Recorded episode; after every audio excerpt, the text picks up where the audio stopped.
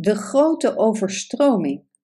Het was midden in de winter en midden in de nacht toen de watersnoodramp van 1953 toesloeg. Een jong meisje, Maria, wiens familie op een boerderij in Nederland woonde, werd plotseling gewekt door het geluid van stromend water. Ze zag dat het water door de brievenbus naar binnen kwam en steeds hoger steeg.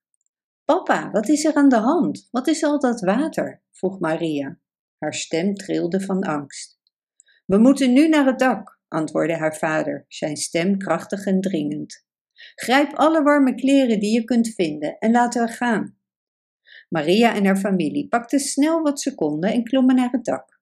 Ze waren allemaal ijskoud in de koude winternacht en ze konden de verwoesting overal om zich heen zien. Hun dieren, hun werktuigen en zelfs de naburige huizen werden weggevaagd door de overstroming. Oh nee, kijk naar onze koeien, ze verdrinken, riep Maria's moeder uit, terwijl de tranen over haar wangen stroomden. We moeten kalm blijven, we verzinnen wel iets, stelde vader haar gerust. Ze konden met niemand communiceren, omdat er geen moderne technologie bestond en het telefoonnetwerk beschadigd was door de overstroming. Ze konden alleen maar hulpeloos toekijken hoe hun boerderij en hun dorp werd vernietigd. Het is zo koud en ik ben zo bang, zei Maria klappertandend. Het komt wel goed, dat beloof ik, zei haar vader, terwijl hij haar dicht tegen zich aantrok. Gelukkig werd de hele familie gered door de soldaten die de mensen kwamen redden. Ze waren blij dat ze er levend uit waren gekomen, maar ze waren ook verdrietig om het verlies van hun boerderij en de vele slachtoffers in hun dorp. Ze verhuisden en bouwden een nieuw leven op in het oosten van Nederland.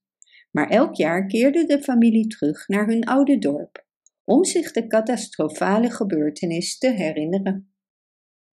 We zullen nooit vergeten wat hier is gebeurd, maar we moeten doorgaan en een nieuw leven voor onszelf opbouwen, zei Maria's vader met vastberadenheid in zijn stem. Het verhaal van het overleven van de familie en de tragedie van de watersnoodramp werd van generatie op generatie doorgegeven en herinnerde ons aan de kracht van de natuur en het belang van voorbereid zijn op rampen. Maria en haar familie zijn nooit de nacht vergeten die hun leven voor altijd veranderde. Maar ze waren dankbaar voor elkaar en de kracht en veerkracht die ze in elkaar vonden. Bedankt voor het luisteren. Wist je dat je dit verhaal ook op onze website ridiro.com/nl kunt lezen, downloaden en printen?